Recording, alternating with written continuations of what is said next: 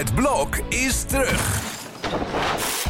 Vier koppels, vier bouwvallen, vier verbouwingen en dus een hele hoop stress. Het blok, iedere werkdag om half negen bij net vijf. Dit programma wordt mede mogelijk gemaakt door de Krasloten Decemberkalender. Dit is Strikt Privé, de dagelijkse showbiz-update met Evert Zantegoed en Jordi Versteegden.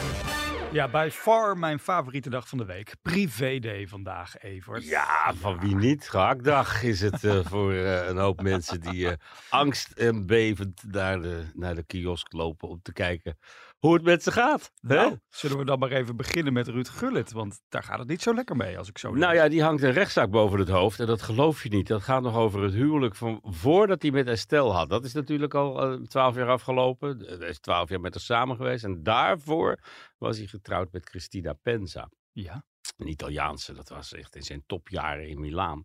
En eh, die mevrouw eh, en hij hadden een hartstochtelijke liefde. Dat blijkt ook wel dat die niet zo heel lang duurde, die relatie. Maar dat er wel twee kinderen nog steeds rondlopen. En die hebben zich gemeld bij ons. En die doen nu hun verhaal over Ruud als papa. Het is geen lang verhaal. Want ja, heel vaak hebben ze hun vader niet gezien in eh, hun lange leven, inmiddels lange leven. En wat zij willen is een half miljoen. Een, half, miljoen, aan alimentatie. En toen die zich meldde, toen dacht ik, ja jongen, ga gewoon werken voor je geld. Doe even normaal. ja. Je bent 30 geweest. En ehm, ja, daar gaat het niet helemaal over. Want juridisch staan ze best sterk. En de advocaat van Ruud mag zeggen dat er destijds, of een tijd geleden, afspraken ge- gemaakt zijn. Ja, zegt die jongen, maar die zijn door de Italiaanse rechter nooit bekrachtigd. In Nederland is alimentatie verplicht tot je- de achttiende van een kind. Mhm. En in Italië is dat onbeperkt. En ja, wat daar dus gebeurt, is dat de teller nog steeds doorloopt als die regeling niet eh, geëffectueerd is. En dat is hij niet. En zij zeggen, ja, hij heeft ons zo schandalig behandeld, zo weinig naar ons eh, omgekeken. Ja. Alleen op laten draven als dat leuk was voor wat plaatjes en als het voor zijn imago goed uitkwam.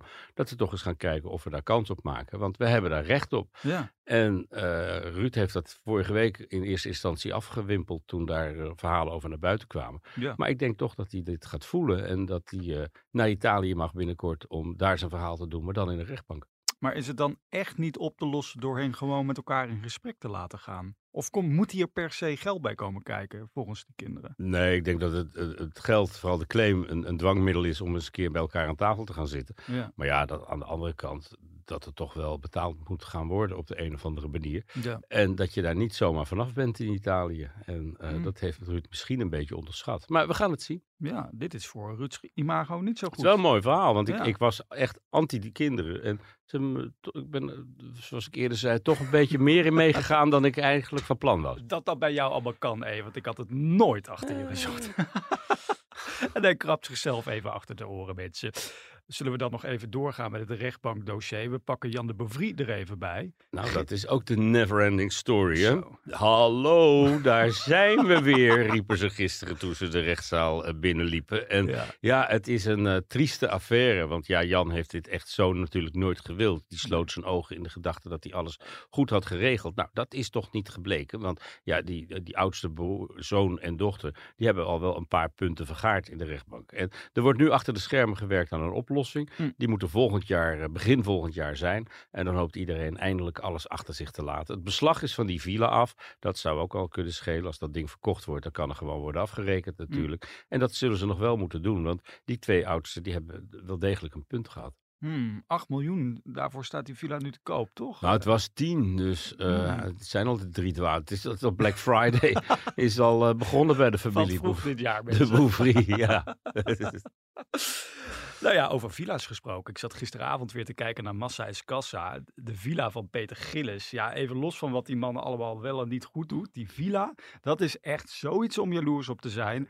Peter zei dus dat hij nu 10 minuten eerder moet opstaan om zijn hele ochtendritueel te kunnen Dus doen. mag ik een geheimpje verklappen? Wij zijn er geweest. Oh, hè, mogen een- we dat een tijdje geleden. En, en toen zei hij dat inderdaad. En toen dacht ik, nou, dat lijkt me over. Maar dat is dus echt zo. Ja.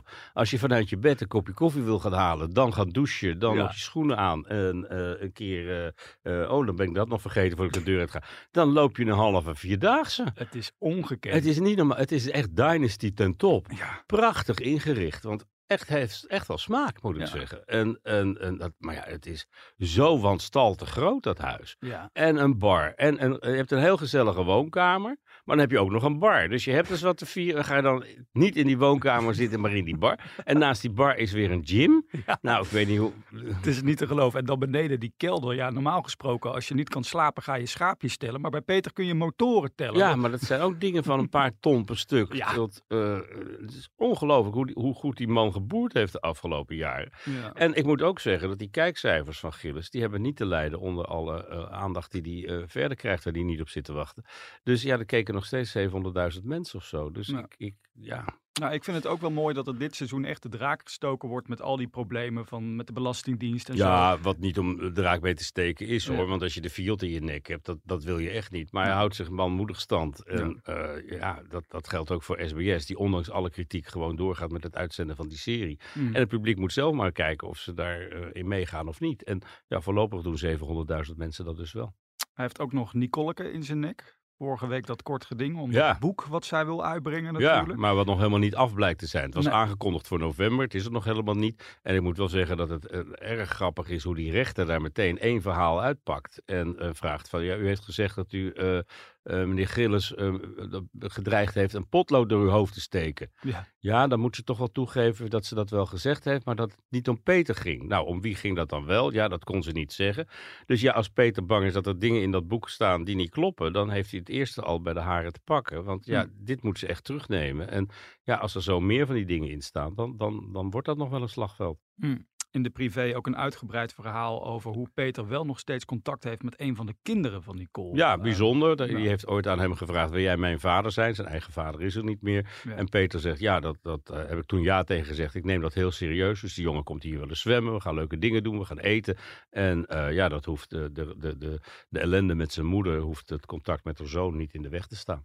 Dat blijkt inderdaad. Nou, tot zover weer de fanclub van Peter Ja, de Gillis. mensen gaan nu weer schrijven. Zal het wel weer eh, gedaan hebben vandaag. Nou, eh Mediacorant, eh, let je op. Ehm, NOS, daar moeten we het dan tot slot nog even over hebben. Eerst even terug naar gisteren. Toen zei hij eh, iets over het slechtste interview ooit van Jeroen Pauw. Nou ja, dat hysterische gesprek met die eh, Tim den Beste destijds duurde eindeloos. En hij had al drie keer met die, met die juffrouw op de eerste rij willen komen. En dat kwam maar niet. Dat duurde maar lang. Maar gisteren had hij wel weer eventjes eh, Galit en Sophie, bij Galit en Sophie de Mart Smeets te pakken. Die Ja. maar net doet alsof hij helemaal niks meer weet van zijn tijd bij Studio Sport. Breng ik graag in herinnering dat die man elk jaar wel een boekje schrijft. En dat je hem alles kan vragen over de negende etappe van de Tour de France in 1986. En dat weet hij nog perfect. Ja, Maar alles wat er op die redactie gebeurde, waar hij nooit was, Ja. dat weet hij allemaal niet meer. En dat hij zichzelf niet zo netjes gedragen heeft, dat weet hij ook niet meer. Kijk, Bart Smeets heeft het imago van een bullebak, ziet eruit als een bullebak en is een bullebak. Maar eh, ja, dat, dat, dat, eh, wil, dat wilde bij hem zelf maar niet in, geloof ik. En nee. eh Pauw liet hem niet los en hem daar drukte hem toch een paar keer met de neus op de feiten. Dat het ene incident wat beschreven is van iemand een hand geven en dan zeggen, hé, wat moeten we hiermee? Dat dat niet zo heel sympathiek was. Ik raad je ook aan om op de site van de Telegraaf nog even een interview met Mart eh, terug te kijken. Met eh, Jeroen Holtrop, collega. Die is vorige week bij hem thuis langs gegaan. Ja, en dan zie je ook zo'n arrogante Mart Smeets dat je er bijna om gaat lachen gewoon om hoe die man is. Nou ja, het- dat heb ik ook altijd gedaan, Ja. maar ik heb ook nooit met hem gewerkt. En als je met hem werkt, dan is dat misschien een heel andere ervaring. ja, En eh, ja, ik mis Mart Smeets wel. Ik vond dat altijd heel plezierig om naar te kijken. ja. Maar eh, ja, ik denk niet dat het de meest aangename collega is. Die, hoewel he- heel veel mensen veel van hem geleerd zullen hebben hoor. Ja. Maar eh, ja, een beetje zelfreflectie kan nooit kwaad. Wij gaan ook reflecteren op deze podcast. We zeiden al, we krijgen, we krijgen er ongetwijfeld weer ergens van langs als Ja. we over dingen die we gezegd hebben. Maar goed, het is onze podcast. We mogen alles zeggen, toch? En dat doen wij morgen weer. Om eh, dezelfde tijd, rond een uur of twaalf. Tot dan. Hoi.